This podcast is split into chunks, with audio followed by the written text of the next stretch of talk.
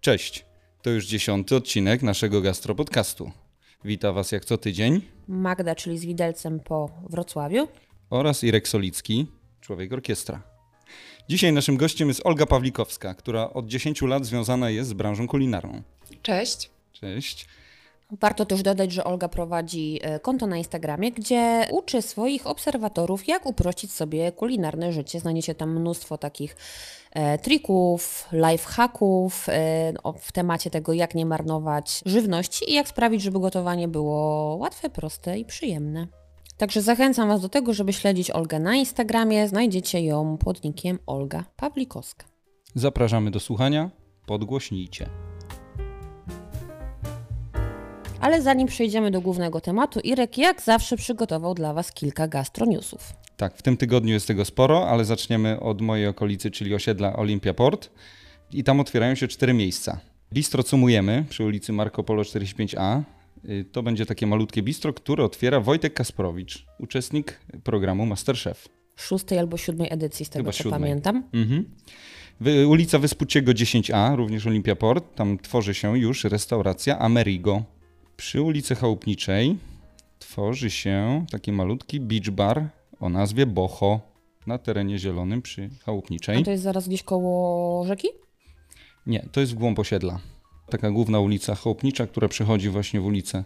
To tak trochę oszukują z tym beach barem. Beach bar to powinien być nad rzeką. Tak, tym bardziej, że Olimpia Nad wodą leży bardziej, nad no. wodą. Powinno to być faktycznie nad wodą, ale myślę, że tam coś jeszcze powstanie nad, No nad tymi bulwarami.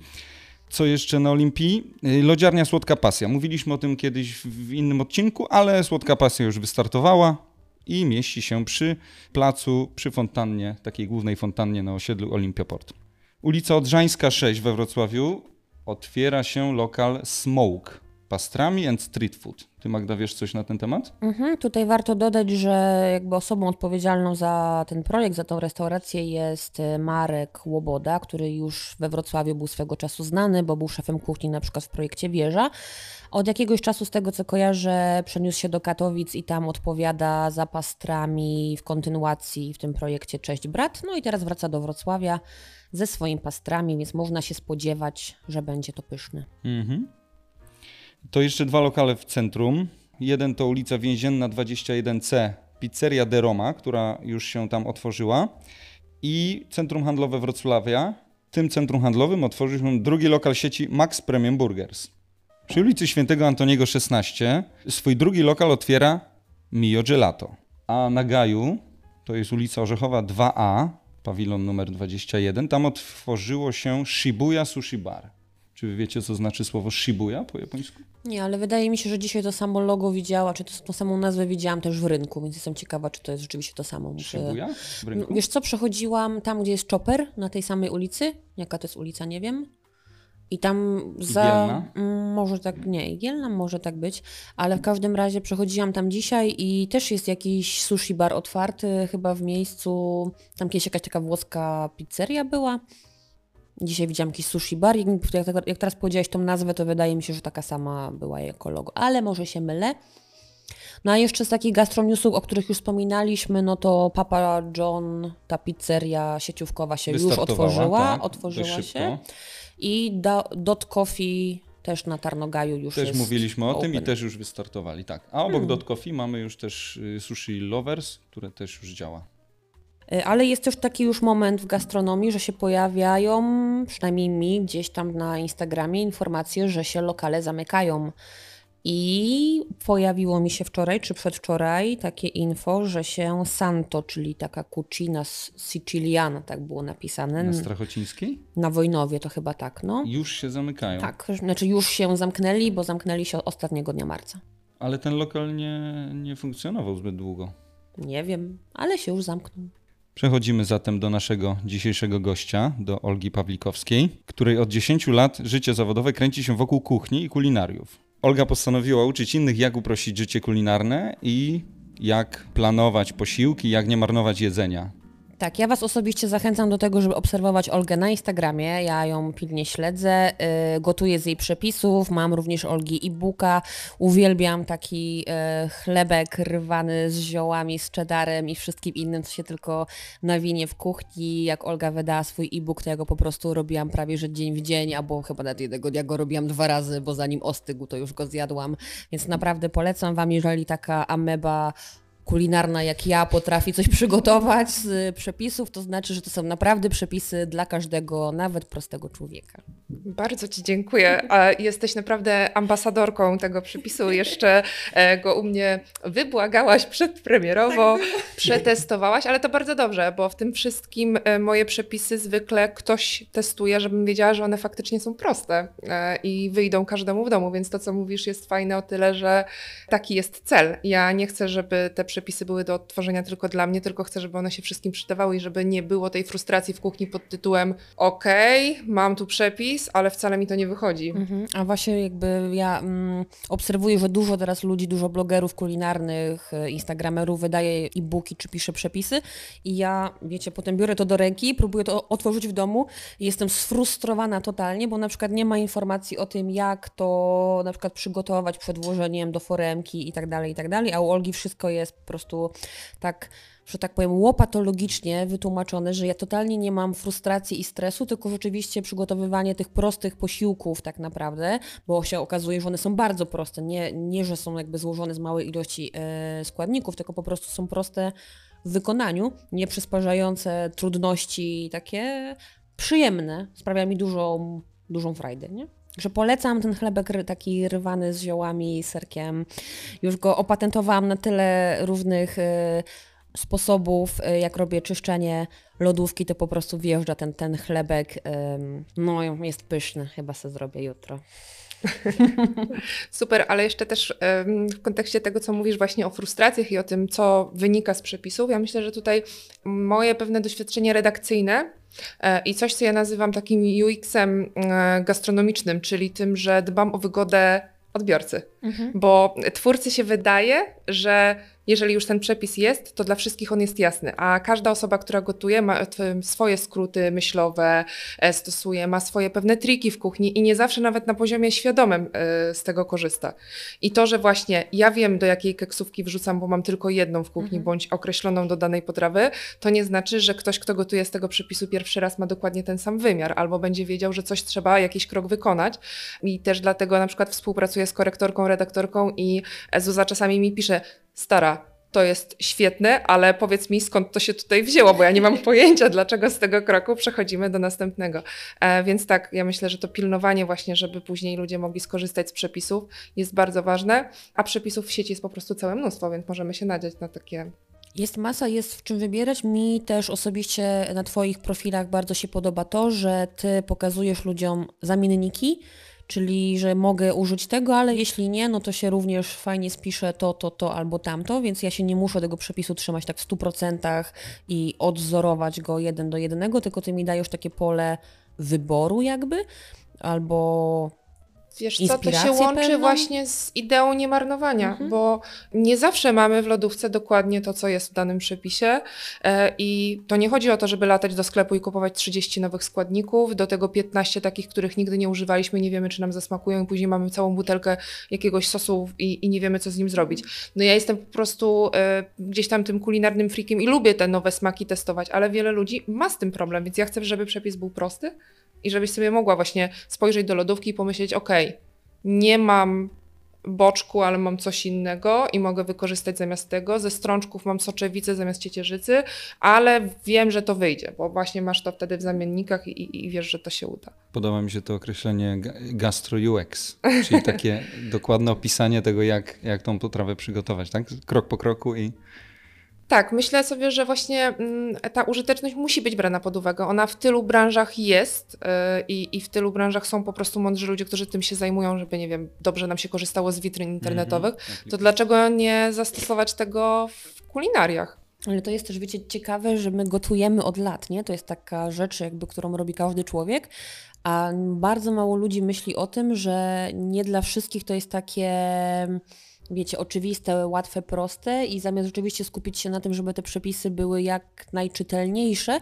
to wchodzą na taki już wyższy level, już po prostu wymyślają coraz bardziej skomplikowane przepisy potrawy, do, dokładają jakiś metod przygotowania tych posiłków, a na koniec właśnie człowiek bierze to do ręki przeczyta trzy zdania i jest załamany, że musi iść do sklepu, zrobić właśnie tonę zakupów, nakupować sosów, przypraw, których użyje teraz tylko raz i potem nie wie, co ma z tym zrobić. Albo martwi się tym, że nie ma na przykład takich sprzętów w domu, nie? Bo ja czasem na przykład biorę przepis, wiecie, jak ktoś mi tam pisze, że, koń, że jakby nawet nie ma powiedziane ani słowa, że mogę użyć na przykład patelni zwykłej, tylko koniecznie na patelni grillowej. Ja takiej nie mam, nie?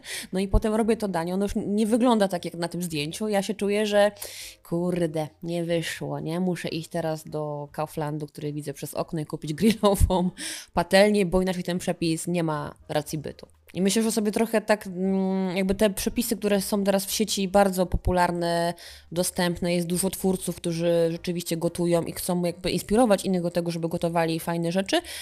W jaki sposób zawyża ten poziom? Taki, że on się dla przeciętnego Kowalskiego, który chce potem odtworzyć to w domu, mm, ten poziom już jest taki nie do wykonania. Nie? E, mam podobne poczucie, chociaż jak zaczynałam publikować w sieci, miałam pewnego rodzaju obawy, że skoro chcę dawać proste przepisy, to może wszyscy je znają i może to nie jest potrzebne. Ale skonsultowałam się z wieloma osobami, no i kwestia jest taka, że ja jestem na jakimś poziomie i ja coś wiem, ale to wcale nie jest oczywiste dla każdego. I tak jak mówisz, czasem już wspinamy się na te wyżyny, chcemy fajerwerki osiągnąć w kuchni i trochę zapominamy o podstawach, a z drugiej strony kuchnia to są umiejętności, to jest szlifowanie pewnej dziedziny. Ja w ogóle nie, no nie wierzę takiemu mówieniu, że ja nie umiem gotować. To znaczy, okej, okay, na tym etapie tu i dzisiaj może nie umiesz, ale to nie jest tak, że do końca życia masz umieć tylko zagotować wodę na herbatę, bo to wszystko można rozwinąć. Może nie zdobędziesz gwiazdki Michelin i to jest jak najbardziej ok, ale jesteś w stanie przygotować 10-15 przepisów takich, mhm. które będą sprawdzone i ich zawsze wyjdą i będą mhm. dobrze smakowały. Ja się też z tym zgadzam. Uczę się każdego dnia. Z przepisów Olgi, między innymi. Przejdźmy do naszego tematu wielkanocnego. Powiedzcie, Olga, powiedz, jakie tradycyjne wielkanocne potrawy przygotowujesz na święta? Ja Was może trochę zdziwię, bo ja zacznę od tego, że dla mnie nie ma czegoś takiego jak jedna tradycja wielkanocna i tego, że coś tradycyjnie musi się na tym stole pojawić. To znaczy, u mnie w domu ogólnie jedzenie i gotowanie sprawia frajdę. Lubimy gotować razem, lubimy razem jeść, to jest wszystko w jakimś takim zwykle większym gronie, ale miesza się dużo różnych tradycji. E, I w końcu też jesteśmy coraz bardziej otwarci. Moja rodzina jest otwarta na nowe smaki, więc to się zmienia. Są pewne smaki dzieciństwa, które zwykle się pojawiają, i na przykład moja siostra tutaj wyraża głośny sprzeciw, gdyby nie miało być jajek faszerowanych. Przy czym są to jajka faszerowane, podsmażane, później obtoczone w bułce tartej, podsmażane na patelni w takiej wersji. E, I one koniecznie pojawić się muszą. Gdzieś tam wokół tych jajek tradycyjnie faktycznie e, temat się kręci, więc są e, jajka z łososiem, jajka z kawiorem, raczej nie w tej wersji, którą zwykle się widuje tradycyjną z majonezem. Już rozmawiałyśmy, Magda, wcześniej, że mhm. to nie jest nasz ulubiony dodatek do, do, do jajek e, wielkanocnych. Żurek. O, to jest chyba kolejny punkt, który musi się znaleźć u mnie w domu na Wielkanoc. E, mój mąż jest e, fanatykiem, psychofanem po prostu e, żurku i mógłby go jeść codziennie. Moja mama robi najlepszy żurek na świecie, więc ten żurek jeszcze dodatkowo podany w chlebie, a nie na talerzu. To jest punkt obowiązkowy na stole. Mm, zdarzają się pieczone mięsa mm, różnego rodzaju sałatka jarzynowa. Lubisz czy nie? Niestety, niestety. Nie lubię, dlatego już w tym roku udało mi się przeforsować pomysł, żeby jej nie robić. No jestem taką bardzo umiarkowaną fanką i trochę zastanawia mnie fenomen tych gotowanych warzyw podanych z majonezem, ale mówię, to są moje gusta. E, natomiast tak, my w tym roku stawiamy na sałatkę śledziową, e, taką z ziemniakami, cebulką, ogórkiem kiszonym i e, matiasami holenderskimi. Nie wiem, czy kojarzycie holenderskie matiasy. Mhm. E, we Wrocławiu dostępne tylko w kilku punktach.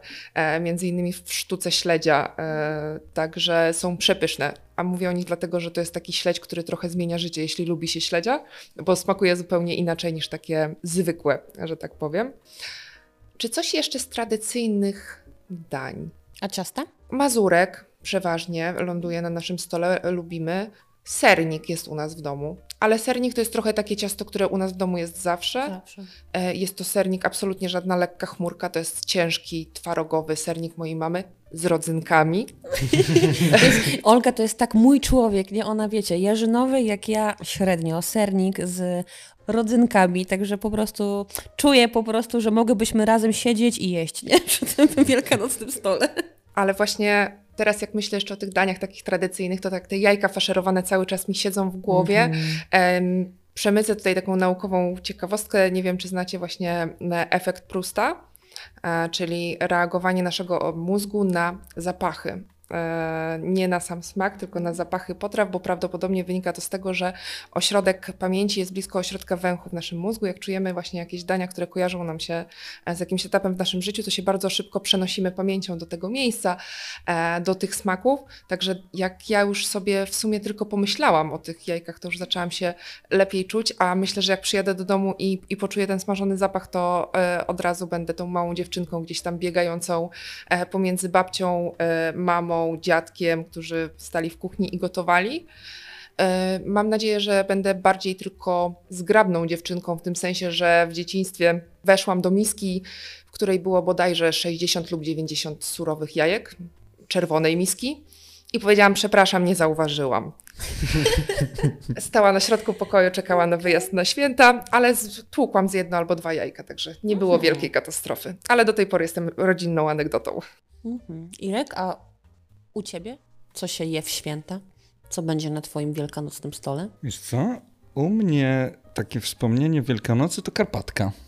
Nie wiem, czy to jest ciasto tradycyjne, wielkanocne, ale Pewnie tak mi się... zależałoby od tego, jaki Od region domu. Polski i No jaki właśnie, dom, u, mnie, u mnie Karpatka i nawet tak mnie naszło dzisiaj, żeby, żeby przygotować Karpatkę tak jak mama przygotowywała na święta. Ja tak z trzy tygodnie temu miałam smaka na Karpatkę, ale potem przeczytałam przepis i się okazało, że nie jest taki prosty jak przepisy Olgi i stwierdziłam, że Bo to ciasto parzone, kupię, nie? No. A czy macie tak, że na waszych e, wielkanocnych stołach e, znajdują się inne rzeczy niż w waszych rodzinnych domach, tam powiedzmy 20 lat w tył?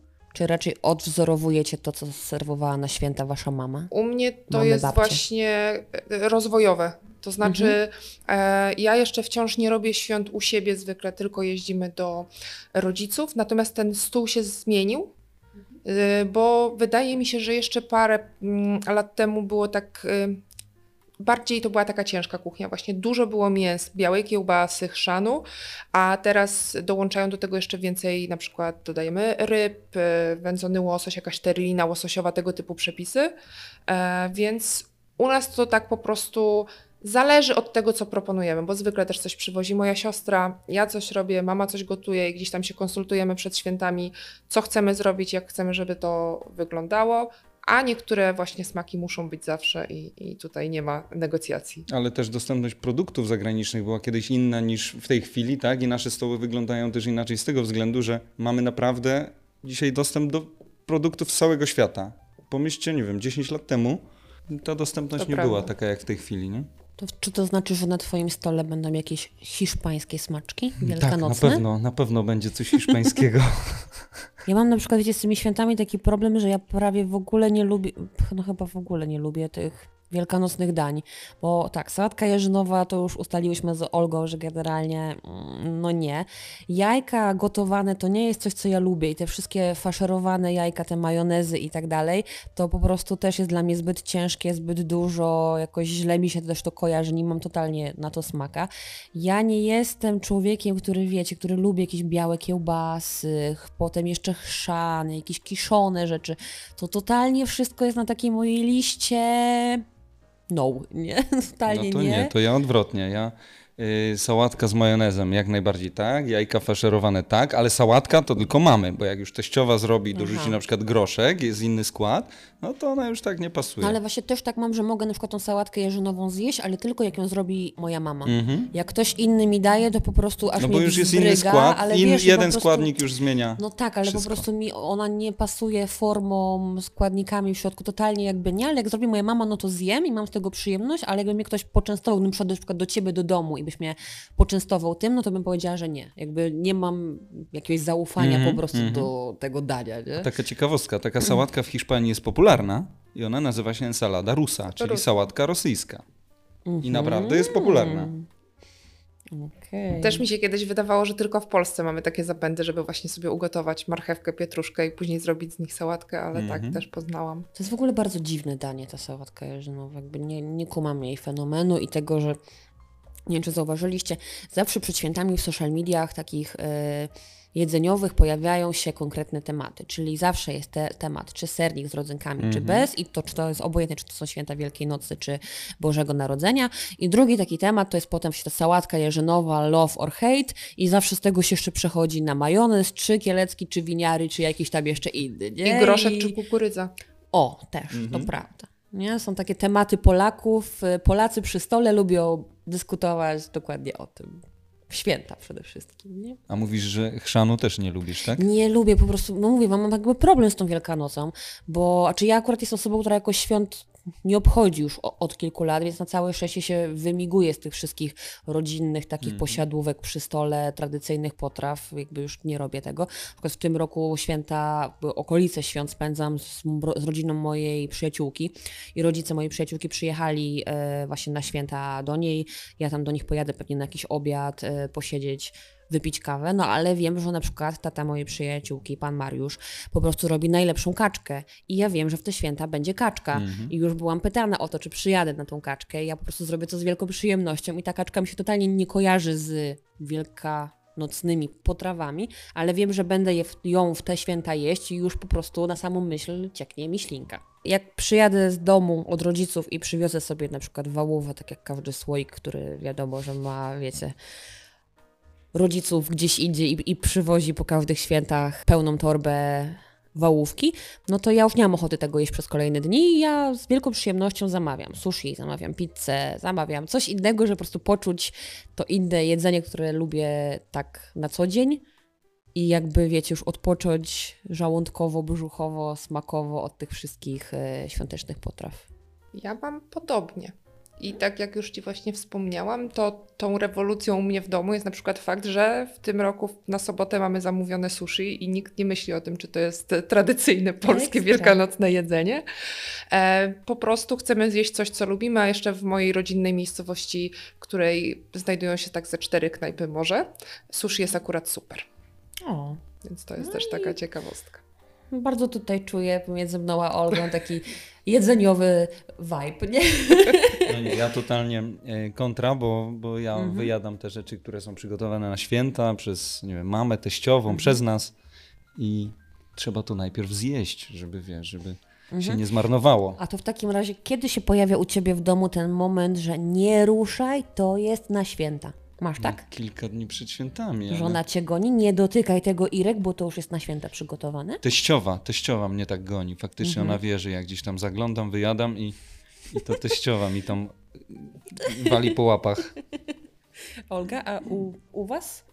Moja mama się już pogodziła, że są pewne rzeczy, które będziemy podjadać przed Mhm. świętami. Natomiast na Wielkanoc zwykle zbieramy się już na tyle późno, że już to traktujemy jako święta, czyli to będzie akurat w tym roku jutrzejsze popołudnie, piątkowe. Mhm. Także zwykle nie ma tego gonienia, że nie wolno jeść, bo to na święta, ale to też się wiąże poniekąd y, z moją, e, z moim niemarnowaniem i edukacją całej rodziny, bo ja już od ładnych paru lat wpływam trochę na te ilości, które są przygotowywane u nas w domu i ponieważ właśnie nikt z nas nie jest fanem tego, żeby jeść później przez tydzień to samo, to mm, raczej wolimy przygotować mniej. Wydaje mi się, że właśnie mamy takie mm, polskie po prostu podejście do tego, że to musi być dużo, musi być świątecznie, że tych potraw ileś musi być i też e, ta obawa przed dniem wolnym, zamkniętymi sklepami, to nie tylko przed świętami e, Wielkiej Nocy, ale przed każdym dłuższym weekendem, majówką i tak dalej, te tłumy w sklepach, e, tak jakby żywności miało zabraknąć,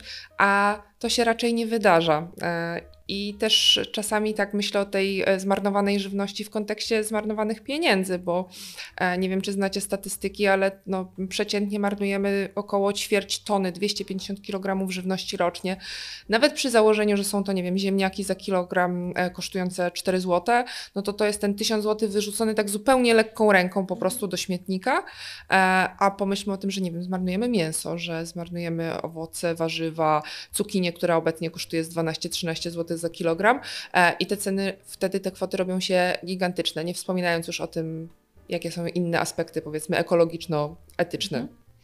U mnie się nie marnuje, u mnie kilka dni po świętach noszę, noszę takie dania w taperach do pracy i, Naprawdę? i jestem skazany. Ja tak. bym właśnie już w ogóle nie miała przyjemności takiej, nie? Ja jakby już się jakby totalnie też nie biorę aż tyle rzeczy, na przykład jadąc do rodziców, to już nie przywożę tyle, no bo wiem, że potem nie mam przyjemności, żeby to jeść i też już moją mamę, jak już jadę na święta do domu, o ile jadę, no to jakby mm, temperuję ją, że słuchaj, po co tego tyle robisz, nie? I przede wszystkim moje pierwsze pytanie, po co ty całe święta stoisz przy garach tak naprawdę? Zamiast cieszyć się, że masz wolny i możesz sobie odpocząć, to dalej mamy w tej takiej polskiej kulturze, szczególnie mi się wydaje, że to jakby pokolenie rodziców jeszcze naszych i babci, bo mi się wydaje, że już to nasze jest takie, że trochę każdy czuje, że kurde, chciałabym coś zrobić ekstra, ale z drugiej strony to jest ten czas dla mnie, gdzie w tym pędzie życia mam rzeczywiście parę dni wolne i wolałabym jednak odpocząć.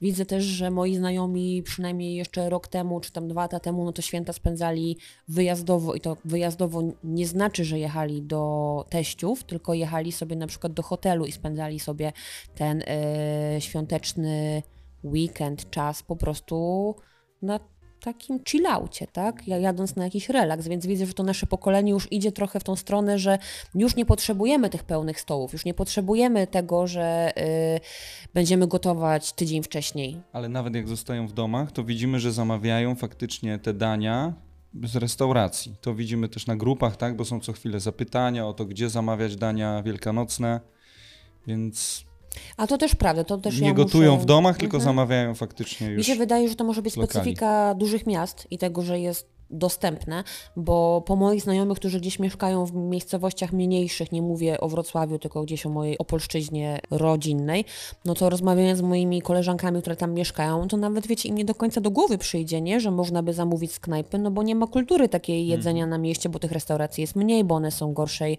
jakości i oni zawsze z taką pewną zazdrością mówią mi, że to fajnie, że ja mieszkam w dużym mieście, że mam taki wybór i że właśnie ja nie muszę gotować, bo mogę sobie codziennie jeść z innej knajpy, a oni mają dwie knajpy czy tam trzy na, na krzyż. Więc może to jest trochę też nasza To jest bańka. przywilej nie? dużego miasta i z tego sobie też musimy pewnie w jakimś stopniu zdawać sprawę, ale ja bardzo popieram to, co powiedziałaś odnośnie tego, że można w święta odpocząć i że kultura tego mm, zapieprzania po prostu, że umęczona mama przy garach, bo to zwykle stereotypowo niestety kobieta, musi wszystko zrobić i w ogóle nie ma tego czasu na odpoczynek, po prostu nie jest jakimś super wzorcem. E, U mnie też dużo przewartościowało urodzenie dziecka i od kiedy mam syna, to ja chcę też mieć dla niego czas w święta. Ja chcę, żeby on pamiętał, że wyszliśmy na spacer, że właśnie usiedliśmy razem do stołu, zjedliśmy coś pysznego i pogadaliśmy, ale niekoniecznie to, że od rana do nocy trzeba było te wszystkie potrawy przygotowywać. Jeśli ktoś to lubi, jest to jego i sprawia mu to największą przyjemność, okej, ale pytanie, e, czy naprawdę wszyscy tego chcemy, Mhm. potrzebujemy, bo tak samo dobry będzie wyjazd. Ja też wyjeżdżałam kilkukrotnie właśnie e, w święta jeszcze przed pandemią. E, Czy zamówienie jedzenia i nie ma czegoś takiego jak odpowiednio dobrze spędzone święta, bo tradycja nakazuje ugotowanie Mhm. wszystkiego. No właśnie, nie? My trochę... No ja widzę, że nasze pokolenie odchodzi od tego i ja się bardzo cieszę i widzę to po sobie, po swoich znajomych, przyjaciołach, dalszych, bliższych i tak dalej, że odchodzimy trochę od tej tradycji. Czy to dobrze, czy źle, jakby zostawiam do oceny każdemu indywidualnie. Mnie to osobiście cieszy, że wolimy spędzać czas, tworzyć wspomnienia, tak? A może nowe tradycje? A może Bo kto powiedział, że tradycja ma być tylko jedna i właściwa. Mhm. Ja jestem za tym, żeby każdy żył po swojemu i tak jak jemu to sprawia przyjemność, nie wadząc innym. I to jest chyba taka myśl, która mi przyświeca, Mhm. nie, nie tylko przy Wielkiej Nocy. Ja się z nią też stuprocentowo zgadzam. Magda, twoje y, wielkanocne koszmarki poznaliśmy, bo to są jajka faszerowane, Wszystko sałatka z majonezem i chrzan, tak? Mhm. A jakie są, Olga, u ciebie wielkanocne koszmarki, czyli y, takie potrawy, których nie cierpisz? Mm, Ta sałatka jarzynowa, tak, to, to Mhm. chyba też u mnie nie za bardzo, yy, no nie darzę jej jakąś wielką sympatią. A tak poza tym przyznam, że trudno jest mi y, wymyśleć coś innego. Ja też lubię żurek, lubię chrzan. Ja tutaj w przeciwieństwie Magda do ciebie kiszonki, chrzan, te wszystkie ostre smaki lubię, jajka też. E, także w zasadzie większość potraw kojarzy mi się dobrze.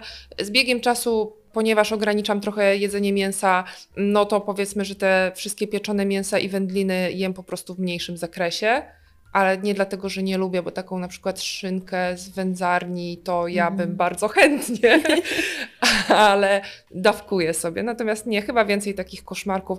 Wiem, że czasami gdzieś tam tradycyjnie są robione jakieś galarety i tego typu rzeczy, a to są potrawy, które, te, których ja po prostu nie zjem, niezależnie od okazji. To jest powiedzmy mój koszmarek. mi właśnie o czymś, o czym już co, ja w takie rzeczy totalnie wyparłam z świadomości swojej, nie? że takie coś istnieje, bo tak dawno już tego nie jadłam i tak bardzo nie mam na to ochoty, że zapomniałam, że ludzie takie coś jedzą. Ale to typowe wielkanocne, bo ja też galarety nie ruszę. Kurczę, to jest U coś... mnie na, ja... na święta była i jedne i drugie była... Ja mam e, wrażenie, że jeszcze w tak, no z 15 lat temu to jeszcze się zdarzało.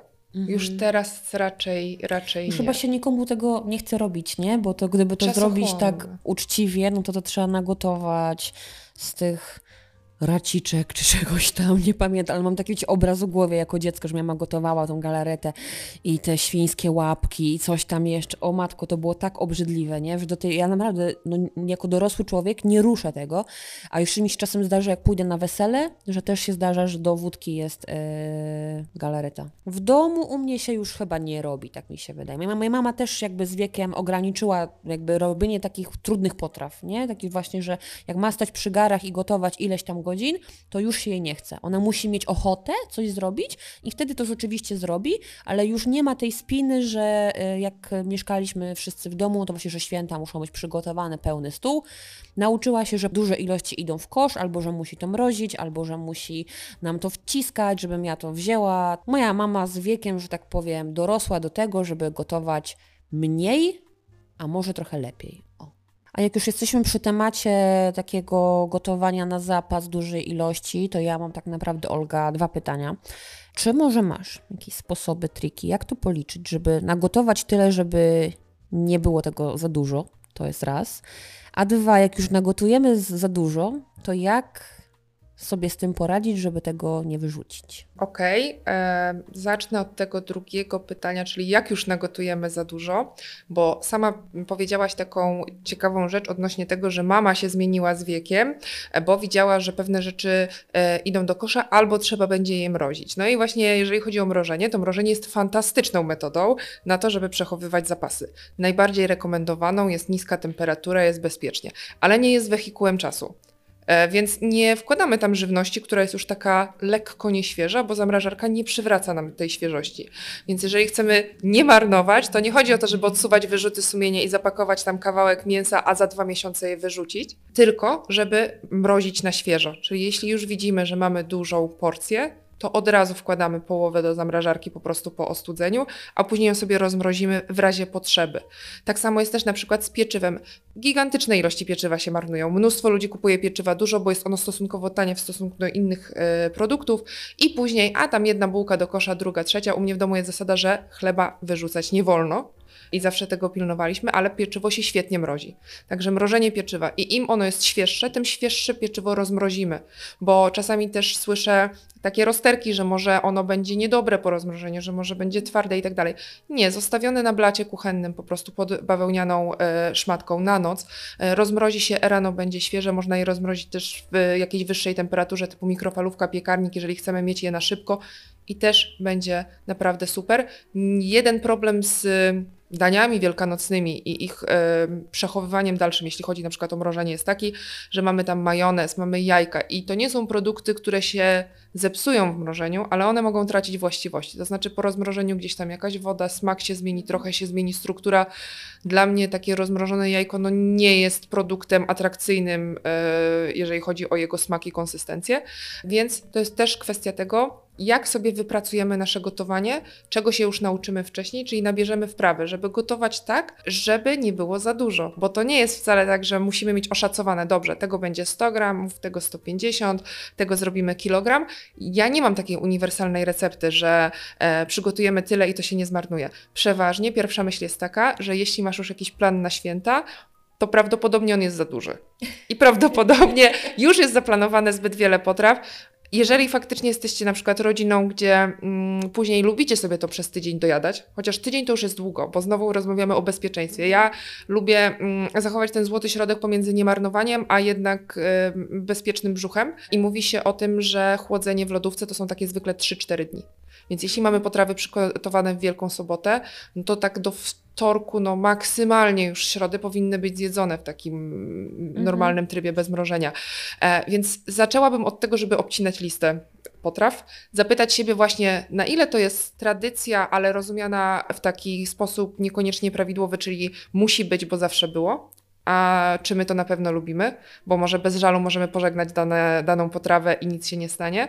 E, poza tym, rzeczywiście lista plan i świadomość tego, co chcemy przygotować. Bo jeżeli mamy to w głowie, to jest bardzo łatwo przeszacować, później coś nam się jeszcze przypomni, jeszcze coś robimy i tego znowu robi się za dużo. Plus gotowanie właśnie mniejszych porcji, nawet jeżeli chcemy, żeby te dania, żeby tych dań było sporo, to to nie musi być tak, żeby dla każdego była zapewniona cała porcja, bo też wiem, że wiele osób ma tę tendencję do tego, że na przykład pięć rodzajów pieczonego mięsa i dla każdego niech to będzie ten plaster, powiedzmy tam rozumiany w ten sposób, a to przecież nie musi być tak. To każdy może coś spróbować, ktoś się podzieli i tak dalej.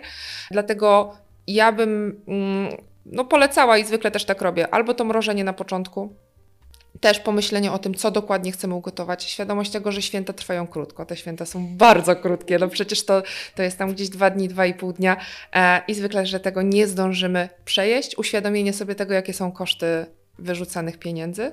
To są, to są nasze pieniądze, więc no. E, ja wiem, że tam złotówka w te czy we w te nie brzmi jakoś e, szczególnie dobitnie, ale jak to sobie podliczymy, to robi zwykle wrażenie. Mhm. A czy myślisz, że mm, jeżeli coś nam zostaje po świętach, to są jakieś takie triki, sposoby, metody, nie wiem jak to nazwać, żeby wykorzystać je w jakoś w inny sposób, dla takich na przykład osób jak ja? Czy mm, z tych wielkanocnych potraw możemy w jakiś sposób je zaczarować, że tak powiem, prze... Co... Zamienić na coś tak, innego. Tak. Wiesz co... Mm tak jak z tą sałatką jarzynową, mm, już dzisiaj o niej tyle mm -hmm. mówimy, że jeszcze do niej wrócę. Myślę, że jest to jednak w pewien sposób trudne, bo już mamy taki gotowy ten twór z majonezem. Chociaż może ktoś by się chciał pokusić o dodanie na przykład, nie wiem, mąki jajka surowego i zrobienie z tego placków i, i może -hmm. gdzieś ten szalony plan by się mógł zrealizować. Jeśli chodzi o wszelkiego rodzaju pieczone mięsa, no to możemy je poddać ponownej obróbce w tym sensie, że e, podsmażamy je jeszcze na patelni, dodajemy sos, żeby one znowu e, stały się po prostu e, takie no bardziej jędrne odzyskały trochę e, tego smaku, jeśli są już lekko podsuszone, więc możemy je wykorzystać w ten sposób, ewentualnie e, na jakieś zapiekanki, e, do różnego rodzaju puddingów chlebowych. Ja bardzo lubię w ten sposób przerabiać czerstwe pieczywo, że namaczam je na 20-30 minut na przykład w jajku, dodaję do tego ser, szynkę, to jest też taka potrawa na czyszczenie lodówki i całość zapiekam w piekarniku, więc jak najbardziej myślę, że skrawki takiej wędliny, białej kiełbasy możemy wykorzystać do puddingu chlebowego, a dzięki temu też wykorzystać resztki pieczywa, jeśli nam mhm. jakieś pieczywo zostanie, więc to jest dość uniwersalna potrawa właśnie po Wielkanocy, że tak powiem, na wyczyszczenie tego, co mamy w kuchni. A jakie macie takie śmieszne, zabawne zwyczaje, nie wiem, jakieś zabawy świąteczne, bo jest coś takiego u was w domu? Bo co było u mnie? U mnie był zawsze konkurs jedzenia jajek. Kto zje najwięcej jajek? I uważa, zjadałem do 10 jajek na święta i stukaliśmy się jajkami też, Właśnie, tak? u nas jest wojna na jajka. Wojna na jajka. Czyja skorupka od jajka pęknie. Tak to tak, jak najbardziej tego typu zawody. Zawsze trzeba było się stukać tą ostrzejszą stroną. Ona jest tak, ale najpierw są poszukiwania w misce, które jajko wygląda na najbardziej trwałe i, i podoła w tej bitwie. Ciekawe, jak to ocenić, które jajko wygląda na najtwardsze. Nie wiedziałabym. A które święta wolicie? Wielkanoc czy Boże Narodzenie? Ja w 100% Boże Narodzenie. Ja jestem człowiek pieróg, więc y, na Boże Narodzenie jest pełno pierogów, uszek, glutenowych rzeczy, uwielbiam. Ja chyba też wolę w tym wszystkim Boże Narodzenie, bo też ta kuchnia trochę bardziej chyba jest w moim guście, bardziej czekam, bo więcej jest tego celebrowania, czyli choinki, nastroju, światełek migoczących, e, ale lubię Wielkanoc. To też nie jest tak, że, że to są święta, których nie lubię. Y, Porozmawialiśmy trochę o świątecznych naszych zwyczajach i świątecznych daniach, ale ja Was jeszcze chciałam zapytać, tak jak co tydzień, co dobrego jedliście ostatnio albo jakie restauracje polecacie? Olga, zacznijmy od Ciebie. To ja wykorzystam ten moment do jednego apelu, ponieważ wyprowadziłam się e, kawałeczek od Wrocławia i jest to na północ od Wrocławia, że bardzo bym chciała, żeby ta Sahara kulinarna się trochę zmniejszyła, bo niestety po naszej stronie miasta jest tych lokali mniej. I mam nadzieję, że jeżeli ktoś usłyszy i szuka sobie właśnie miejsca i lokalizacji, to są głodni ludzie, którzy czekają na dobre rzeczy. Ale z moich odkryć, tych, które dowożą właśnie w moje rejony, to pizzeria Il Mio. I naprawdę fajna, sensowna, cienka pizza z dobrej jakości składnikami. Lubimy sobie zamówić. Lubi trzylatek, lubią dorośli, także bardzo mocno polecam. I restauracja już w mojej miejscowości, czyli w Krynicznie. Jest to restauracja po drodze. I trochę się śmiejemy, że tak w tej naszej wsi, która jest taką dość wsią tradycyjną, jest y, restauracja na poziomie bardzo wysokim i bardzo kreatywna, z naprawdę fajnej jakości jedzeniem. W czasach przedcovidowych z przefantastyczną obsługą taką, która się opiekuje gośćmi i wychodzi się jak po wizycie u dobrych znajomych. Słyszałam już o tej restauracji wielokrotnie od Olgi i ciągle tam nie mogę dojechać, ale obiecuję, że jak się, jak się w końcu otworzy wszystko, to wpisuję to na listę i jadąc gdzieś na wycieczkę w stronę Trzebnicy, to tam w końcu wjadę. Irek, a ty co jadłeś dobrego ostatnio? A mi się przypomniały ostatnio korndogi. Nie wiem, czy wiecie, czym są korndogi. Taka E, parówka w cieście. Tak. Nie było to w tym tygodniu, było to jakiś czas temu na ulicy Szewskiej 59 bodajże jest lokal, który nazywa się Money to Go. I pamiętam, że otwierając tego klienta, ten pan z Korei mówi, że będzie produkował porndogi. Ja sobie myślę, co to są te porndogi? Boże, jedyny. Tak, no i próbowałem tych korndogów. I fajnie Ja- były?